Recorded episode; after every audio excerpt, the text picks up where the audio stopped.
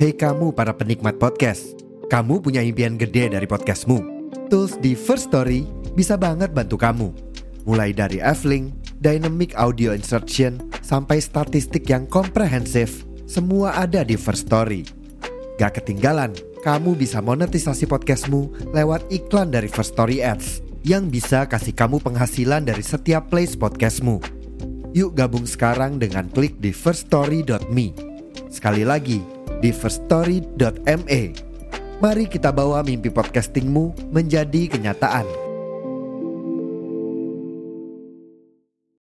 Kalau kamu nggak percaya sama calon anggota DPR, DPRD, DPD, terus nggak percaya juga sama capres-capres yang ada, lalu kamu memilih golput, ya itu nggak masalah, itu hak kamu. Ya, jadi jangan takut juga karena nggak ada orang yang boleh melarang orang yang memilih untuk tidak memilih alias golput. Sama orang-orang yang golput juga jangan memaksakan orang lain untuk ikut-ikutan golput. Jadi ya kita bebas-bebas aja silakan. Semua orang punya hak untuk memilih dan juga punya hak untuk tidak memilih. Bagaimana mungkin kita memilih orang-orang yang kita nggak serak, ya. track recordnya kita paham.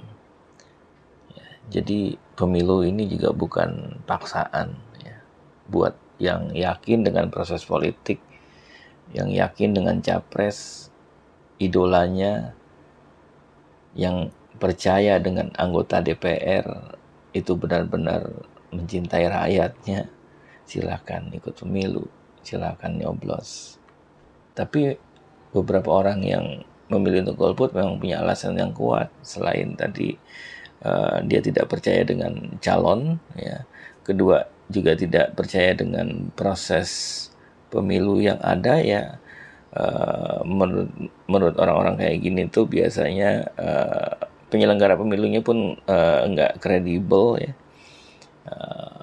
tokoh-tokoh uh, atau orang-orang yang ada dalam kelembagaannya itu juga integritasnya diragukan ya. Dan juga uh, karena sikap politik ya.